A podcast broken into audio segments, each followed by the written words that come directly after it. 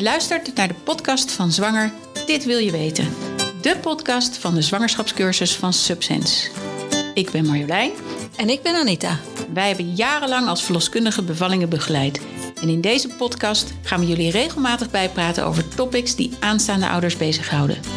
Dus wil je informatie en tips direct van een professional? Of je nou thuis of in het ziekenhuis gaat bevallen? Mis dan geen van onze afleveringen, zodat je zo goed mogelijk voorbereid bent op die aanstaande geboorte.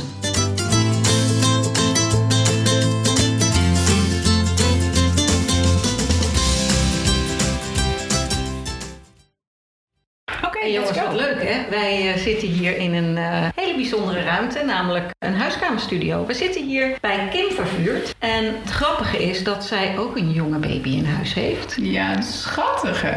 Elf weken hè? Dus, uh, maar die zal niet zoveel huilen denk ik, want het is een, een kitten. Ja, dat en, klopt. En wat is het ervoor een?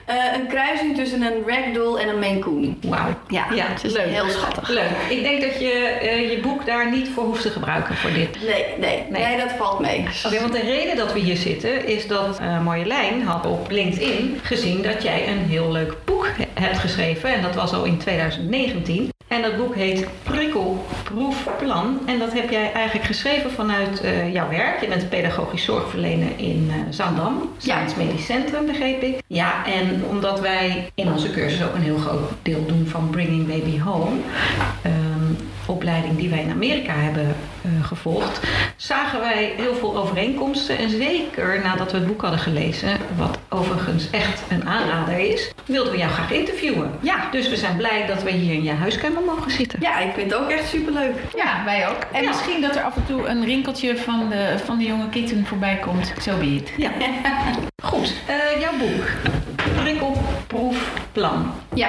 PPP dus. Ja. Nou, waarom heb jij dit boek geschreven? Ik merkte bij ons op de kind- en jongerenafdeling dat er uh, veel ouders waren die niet goed wisten hoe ze met hun onrustige baby om konden gaan. En hadden echt ja, heel veel behoefte aan houvast. Ook zag ik best wel een toename in de loop der jaren aan ouders die ja, steeds meer vragen hadden. Toen ging ik op zoek om te kijken van ja, hoe kan ik dat, ja, literatuur kan ik ouders nou het beste aanraden. En dan gaf ik ze vaak een dagoverzicht mee en nog wat andere tips en adviezen. Um, en toen merkte ik eigenlijk dat ik best wel vaak als rode draad dezelfde tips en adviezen meegaf. En dat ouders um, juist ook heel veel behoefte hadden aan de meest basale tips. Ja. Dus zo simpel mogelijk eigenlijk. En ik merkte dat vaak veel vanuit ons als professionals dat er al heel veel tips gegeven worden en ervan uit wordt gegaan dat ouders al heel veel weten. Um, en dan merkte ik ook wanneer ouders thuis kwamen na een ziekenhuisopname met hun onrustige baby. Dat ze echt met de handen in het haar zaten van ja, en nu zijn we thuis, nu moeten we het zelf doen. Rust en regelmaat, allemaal leuk en aardig. Maar wat, wat is dat nou? En hoe pas ik dat nou praktisch toe ja, in de praktijk? Ja, ja, ja. En, en vandaar dat je een heel boek in elkaar hebt gedraaid, zeg maar. Nou ja, ja dat ontstond eigenlijk uh, wat ik aan ouders uh, meegaf. En, en die, ja, dat werd eigenlijk steeds meer aan informatie. Ja. En dat ben ik ook gaan toetsen op de poli. En dat heb ik ook door kinderartsen, kinderpsycholoog, ook collega's bij de GGD, um, verloskundigen, kinderverpleegkundigen. Ik heb het door zoveel mogelijk mensen laten nakijken en weer aangepast. En toen ontstond dit plan eigenlijk. En toen dacht ik van ja, als ik dit uh, graag ook hier andere ouders mee wil helpen, maar ook professionals om als handvat kunnen gebruiken uh, en kunnen adviseren weer naar ouders toe, dan zal ik het moeten gaan uitgeven om een groter bereik te kunnen krijgen. Ja, Ja. Dus ja, Nou, wij- daarom zitten wij hier. Ja, precies. Hey, en wij zien best veel overeenkomsten met de dingen die wij in de cursus zeggen. Heel maar, veel. ook, maar wij hebben er ook wel weer dingen uitgehaald. Ja. Dat je zegt, hé, hey, dat zouden wij eigenlijk ook wel willen toevoegen aan de informatie die wij mensen al hebben gegeven. ja. Ja, Eh, want wij hebben het over veilige hechting. heel veel. En, maar jij geeft echt tips en tricks over die veilige hechting. En met name wat ons opviel, ouders die zijn heel veel geneigd om elk huiltje van de baby, om daarop in te gaan. Ja. Zo van, ja, maar hij huilt. En jij zegt eigenlijk, een kind mag best wel huilen. En daar hoef je niet iedere keer op in te gaan. Wij zeggen ongeveer 30% van de bits die een baby geeft, dus Ja. eh, waar ze om vragen, daar zou je op in moeten gaan en dan ben je goed bezig. Dus het is niet altijd 100%. Hoe, Ja. en dat Ja. leg jij ook weer uit in dat boek. Nou, Ja. wat, ik, dan, wat ik het mooie daarvan vind, is dat eh, ik heb ook cursussen gedaan voor veilig recht. Hè, vooral omdat we natuurlijk daar ook over praten in eh, onze cursus. En dan hebben we het inderdaad over die 30%. Maar jij zegt dan welke 30% belangrijk zijn om op in te gaan. En welke je wel even mag laten liggen. Ja, En dat vonden wij nou weer een hele Ja, mooie heel handig. toevoeging. Ja. ja, Heel handig Ja, om te weten dat, je, dat hij best mag huilen. ja. En dat dat ook iets is wat een baby nodig heeft.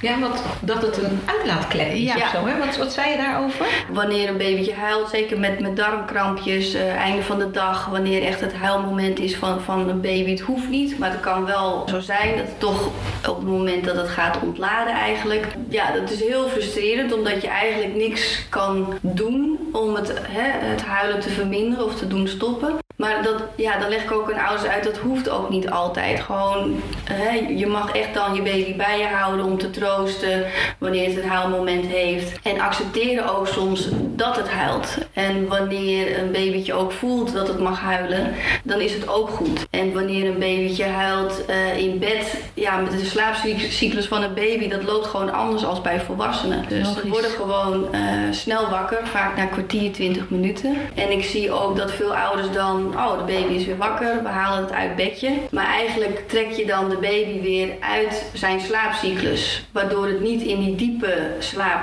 kan komen. Ik zeg niet dat je dan je baby moet laten huilen, maar je kan, je kan de baby dan wel wat begrensd laten huilen. Dus dat je wel naar de baby toe gaat, eh, maar dat je het eerst probeert te troosten in bedje.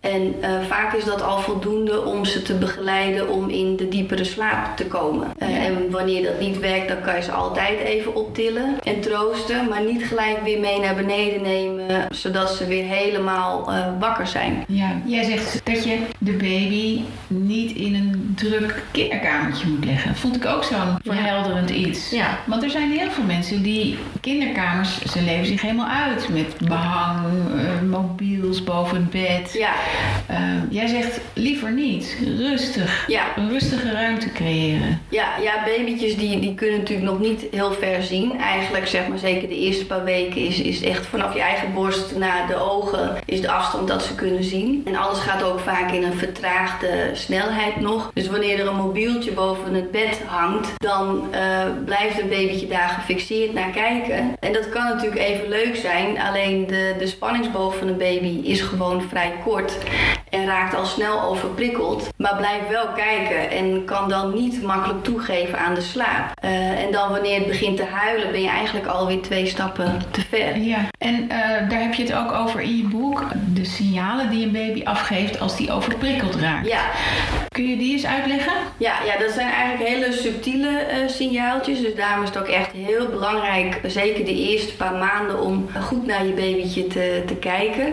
En daar ook echt de tijd voor te nemen. Dat is niet iets wat je met twee, drie weken al helemaal eh, onder de knie hoeft te hebben. Juist helemaal niet. En, en, en soms zijn ze overduidelijk. Bij het ene babytje is dat ook weer anders dan bij de andere baby. Maar zoals wanneer bijvoorbeeld een babytje wegkijkt van, van een speeltje. En in het begin hebben ze ook eigenlijk nog niet echt speelgoed nodig. Dan is gewoon de, de vader, de moeder, de ouder en het gezicht, de mimiek, de stem, liedjes zingen. Dat is eigenlijk al het mooiste speelgoed wat er kan zijn. En pas eigenlijk na vier, vijf maanden hè, is het leuk om wat speeltjes toe te voegen. Ehm, dus wanneer je toch met een babytje met een, een speeltje en, en het kijkt weg, dan is het eigenlijk al te veel. En wanneer je dan een Dus het babytje... wegkijken, Ja, het wegkijken is echt wel... ehm, Een signaal is dat. ja, een signaal. En natuurlijk gapen, eh, naar de oortjes grijpen, beginnen te jammeren. Ja, dat zijn. En huilen is natuurlijk vaak een overduidelijk signaal. Maar dan ben je alweer net eventjes Ja, te ver. Te laat. Ja. ja. Ja, en wat me ook opviel is dat jij zegt dat je een baby, als je het in bed legt, want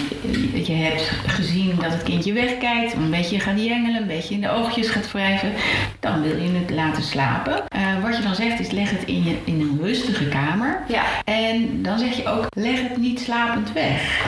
En dat vond ik een eye-opener, want veel mensen zijn geneigd om de baby in hun arm in slaap te laten vallen. Ja. En dan heel voorzichtig weg te leggen. En daar zeg je, daarmee leer je ze eigenlijk hele korte slaapjes uh, mee Ja. te, te nemen. Kun je dat eens uitleggen?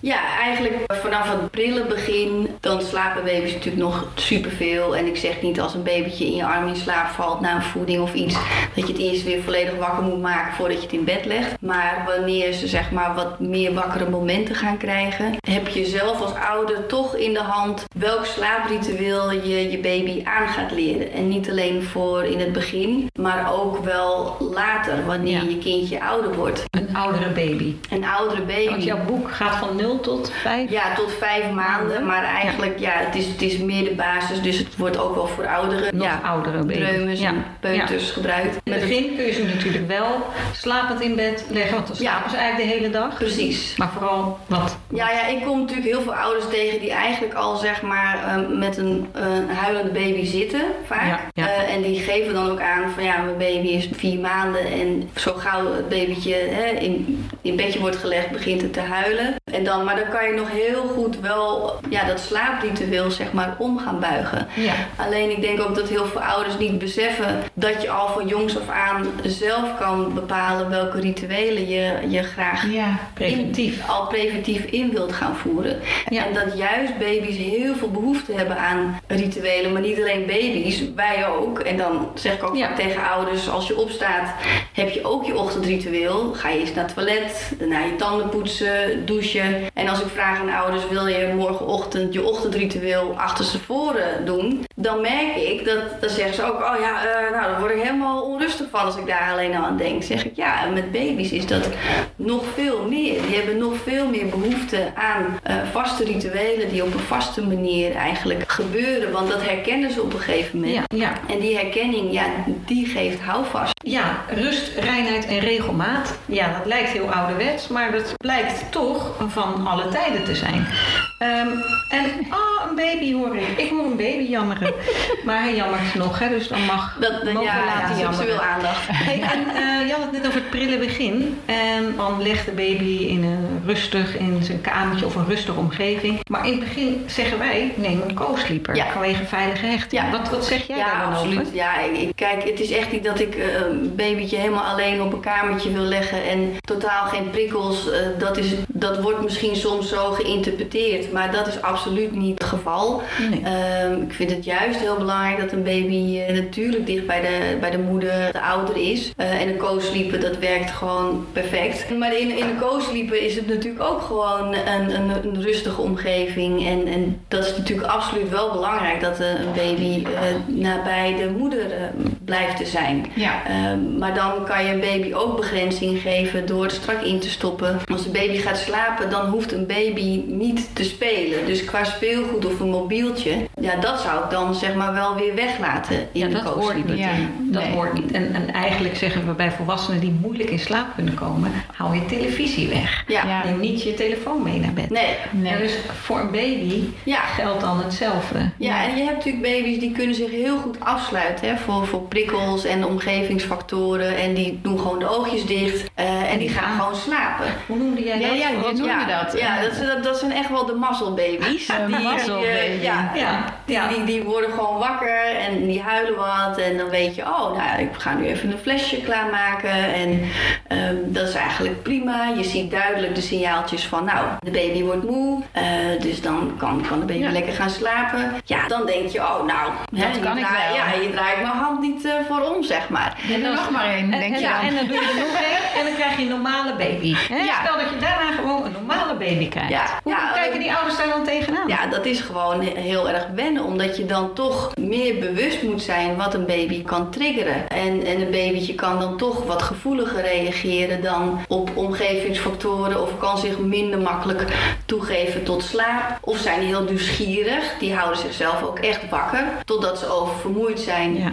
Dan gaan ze huilen en dan krijg je ze bijna niet meer rustig. Ja, en het is ook gewoon heel erg natuurlijk passen en meten wat je, wat je kunt doen met een baby. Maar eigenlijk de eerste weken, maanden, ja, is het toch belangrijk om ja, goed je baby te leren kennen en te kijken naar wat je baby aan kan en aangeeft. Ja.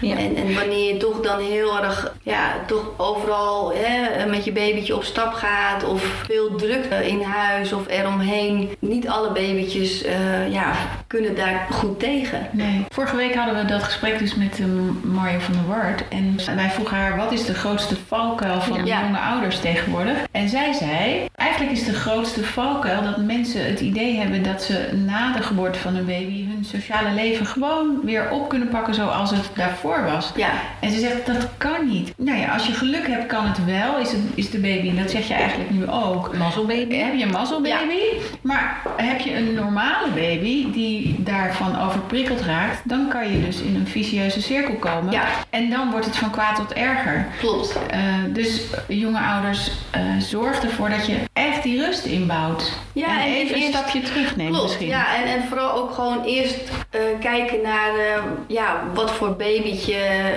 ja, wat voor type baby jij eigenlijk hebt, zeg maar. Ja. Want het is toch, ja, en dat is nu wel in deze tijd gewoon qua social media. We zien alleen de mooie plaatjes. Nee, dat zeg je. Ja, Ja. dat is echt waar. Dat je dus wel je baby overal mee naartoe kan en dat het allemaal maar eh, moet kunnen. Dus we, we, we creëren ook een vertekenend beeld voor elkaar als vrouwen. Eh, Ja. En dat, En geven misschien aan elkaar niet eens toe eh, dat Nee. we het moeilijk vinden of dat het wel heel lastig is, die baby. nou absoluut, het moet alleen maar mooi zijn en het moet alleen maar geweldig zijn en perfect. En dat is het niet. Het, het kan echt wel gewoon heel erg zwaar zijn op bepaalde momenten. En ik heb ook zelfs met een, een collega kinderverpleegkundige die, die was in verwachting van een eerste kindje. En wij hadden al ons eerste zoontje gehad. En toen zei ik ook tegen haar, ik zeg joh, ik zeg die eerste periode, ik zeg het is fantastisch, het is het meest mooie wat je mag overkomen. Maar er zullen ook, je zal ook waarschijnlijk momenten gaan krijgen dat het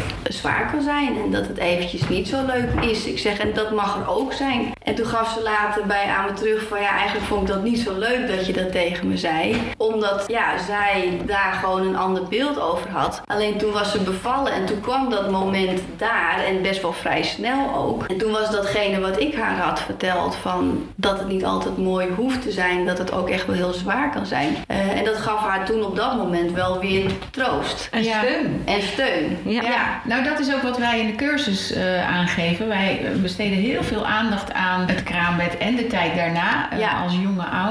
En dan vertellen we ook dit soort dingen onder andere. Is wel Eh, lastig, hè? en dat vind ik best een lastige Dat het les. ook de laatste les is. Ja, en dan zie je ze een beetje zo bedremmeld worden.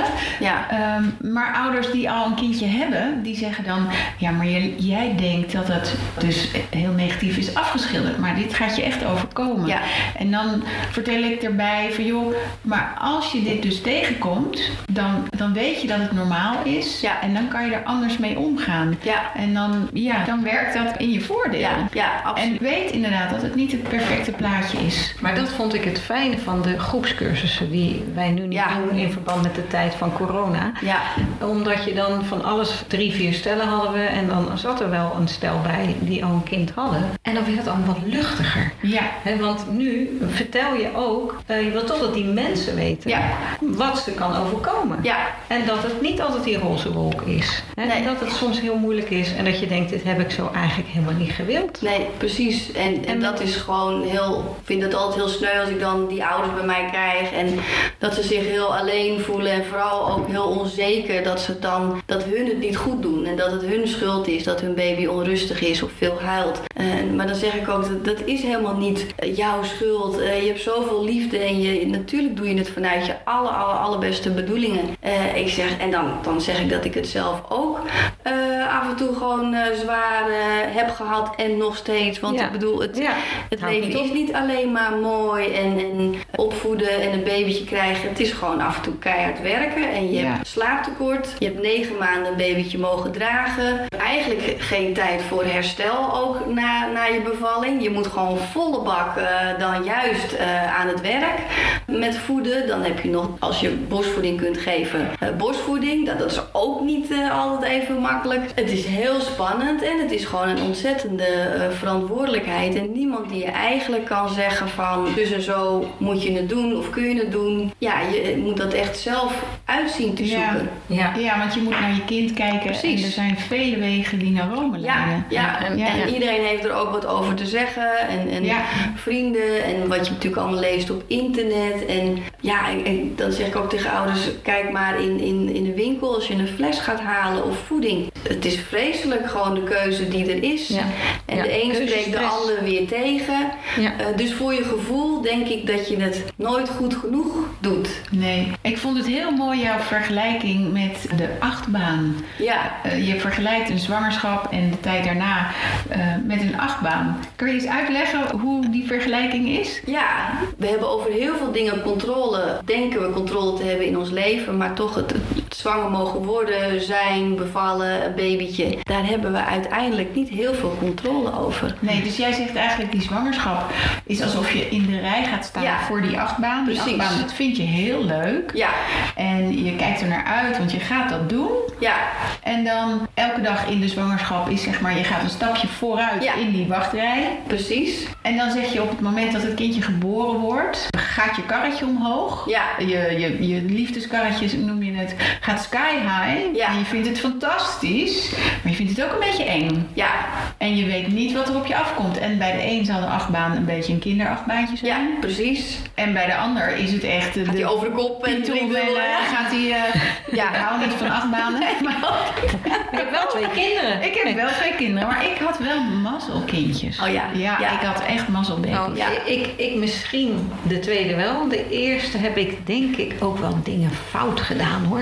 Oh, Ja, maar ik heb wat ook is- dingen fout Ja, gedaan. maar dat, en dat wil ik bedoel- ook benadrukken. Hè. Kijk, ik bedoel, ehm, ik ben dan medisch pedagoog en, en leuk dat boek geschreven. Maar ik doe het echt alles behalve perfect. En dat zeg ik ook tegen die ouders. Alsjeblieft niet. Ik, als ik ergens een allergie tegen heb, is het ouders die doen alsof alles eh, perfect gaat. En ik vind ook dat we als vrouwen, en zeker als moeders, moeten we daar ook gewoon mee stoppen. Want omdat wij dat beeld een soort van hoog houden dat het allemaal perfect moet zijn, durven andere moeders niet aan te geven dat het gewoon even niet zo makkelijk gaat of dat, het, dat ze het best zwaar hebben. We moeten elkaar juist helpen als we Ja. het zwaar hebben Ja. en toegeven dat, dat, hè, dat je het zelf ook wel zware of zware momenten hebt gehad. Ja. Want dan kan je tenminste iets betekenen voor elkaar. Dan Dus- voel je ook niet zo alleen. Nee, we zijn niet perfect. En, Nee, en nou alsjeblieft helemaal niet. Insta-perfect. Hè? Nee, Want, eh, niemand. Als Nee. je, eh, eh, jonge mensen hebben natuurlijk social media en, en, en noem het op. Kijk, ik vond die eh, eh, achtbaan ook heel erg mooi. Toch hoor ik je zeggen, hè, mensen hebben een plan en dan wijkt het toch af. En, Mhm.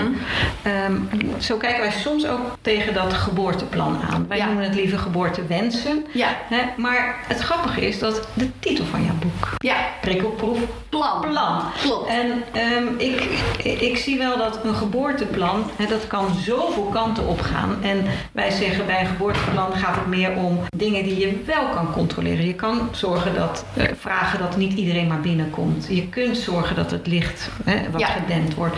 Voor bepaalde dingen kun je echt zorgen, maar je hebt niet alles in de hand. Nee. Maar hoe zit het dan met, jou, met jouw plan? Ja, ik wil echt niet zeg maar. eh, je, je kan baby's natuurlijk ook niet in een volledig plan gaan krijgen. Of dat is ook absoluut niet wat ik hiermee wil bewerkstelligen. Het is, het is eigenlijk meer bedoeld als een houvast. Een houvast weer terug naar de basis. Ja. En Ja. juist less is more. Dus niet allemaal spullen, maar gewoon wat je letterlijk binnen handbereik hebt. Ja. Je, je Ja. handen zijn het beste troostmiddel en je stem eh, en de warmte van je handen voor tegen de darmkrampjes. En ik merk gewoon dat, dat er is zoveel keuze voorhanden en er wordt ouders zoveel aangeraden en, en ook van om weer dit uit te proberen en weer nieuwe voeding en, Ja. en, en Ja. dan een nieuwe fles. Maar, en dan na drie, vier dagen dan werkt het toch niet en dan wordt er weer mee gestopt. Ja. En ja, ik denk dat het wel goed is om te beseffen dat elke verandering die je bij een babytje zeg maar introduceert,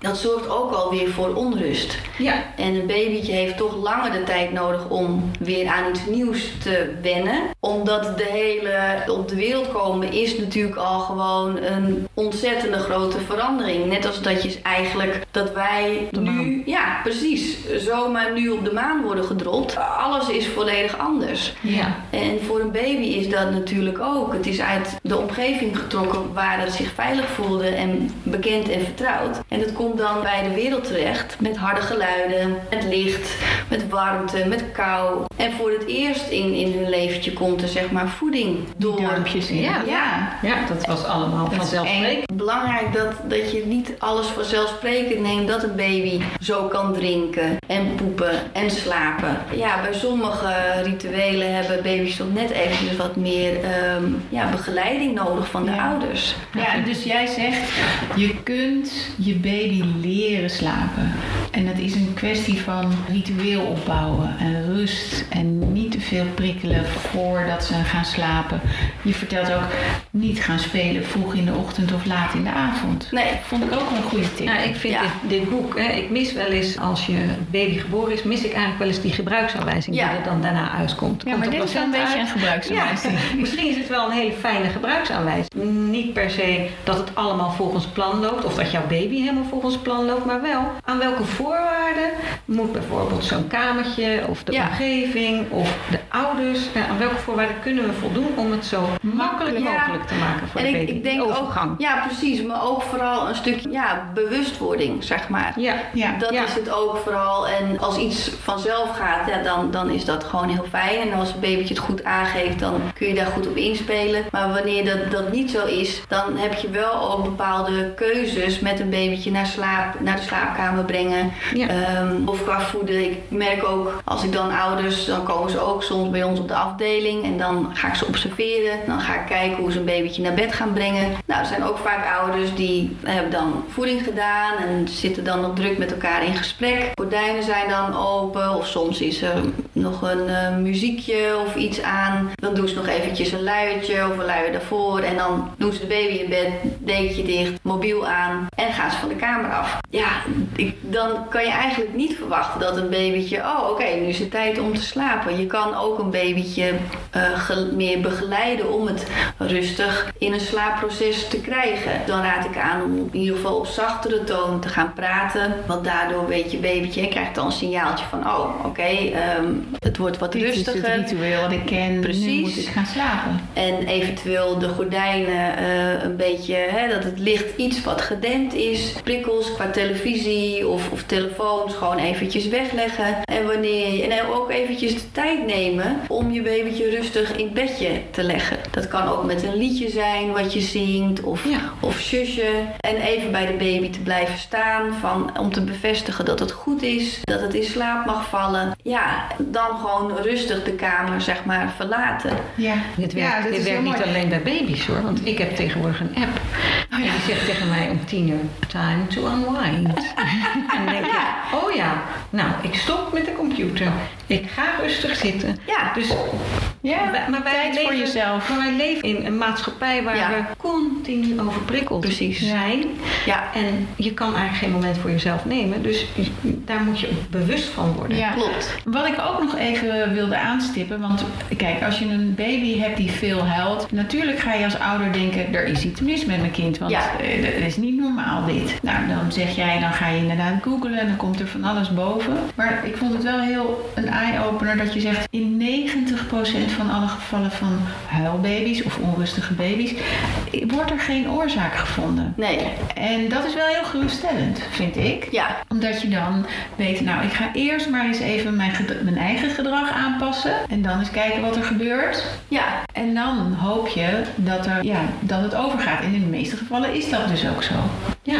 ja, Dat, is, ja, dat vond ik heel Ja. goed om te lezen. ja. Ja, en ook met die tips, hè, dat, eh, wat je zegt, ja, je haalt overal tips vandaan. En wij hebben daar ook wel een goede tip over hoe je met tips kan omgaan. Je moet eigenlijk als ouders een soort oogkleppen op hebben. Ja. En we hebben ook een heel leuk filmpje en daar staat op een gegeven moment Google doesn't, doesn't have children. Hè? Ja. Ik bedoel, Google heeft geen kinderen. Nee. En ehm, luister naar je eigen instinct. En je gaat fouten maken. Ja. Natuurlijk. Precies. Is logisch. Ja.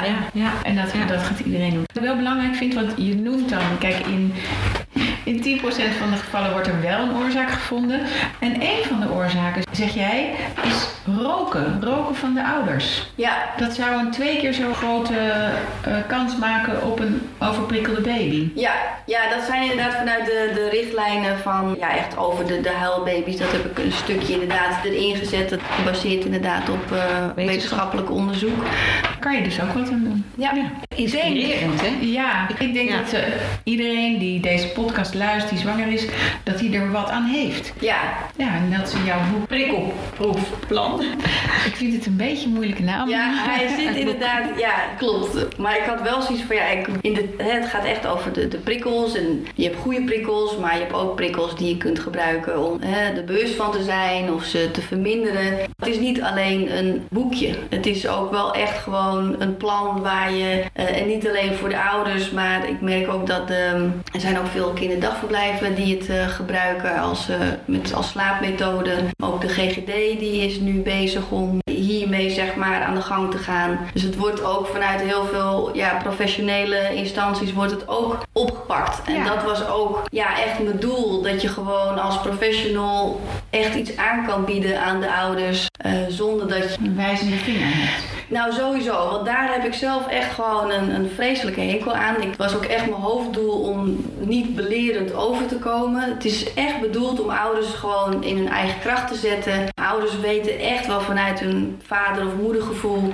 Ja. eh, hoe ze het moeten doen of kunnen doen. Alleen wordt dat gewoon vaak vertroebeld door, door alle factoren vanuit de omgeving. Eh, en hiermee probeer ik juist dat, dat, eh, dat instinct gewoon te bevestigen dat dat goed is. En daarnaast wat tips te geven. En is niet zo moet je het doen, want dan zus of zo. Nee, het, het zijn tips. De ene werkt wel voor jouw baby of voor jou en de andere niet. Maar dan heb je wel een leidraad hoe een dag er ongeveer eh, ja, uit zou kunnen zien. Ja. Geweldig. Ja, dus nou ja, ik zou het aanraden aan, eh, ja, als je zwanger bent. Ja, het is Eh, gratis lezen. preventie, het is leuk. Je, Je krijgt je een verdiept je in de baby. En zeker ook de partner gaat ook lezen, want het is... Eh, je moet het ook samen doen. Ja. hè? Ja. Het is ook samen, je maakt ook samen een plan. Hè? Ja. En daar blijf je dan bij. En dan Ja. laat je al die andere tips, daar bedank je gewoon rustig Ja. voor. Ja, Ja. En precies. Google heeft geen kinderen. Nee. Dat is Super duidelijk. bedankt. Ja. Bedankt voor Ja, eh, dit heel inspirerende gedaan. interview. Zeg, Dankjewel voor het luisteren. Ja, tot ziens. bedankt. Dag. Je luisterde naar de podcast Zwanger, dit wil je weten van Subsense. Mede mogelijk gemaakt door Koffiecode Podcast. Je kunt ons volgen via Insta, Facebook, LinkedIn en onze site www.subsense.nl.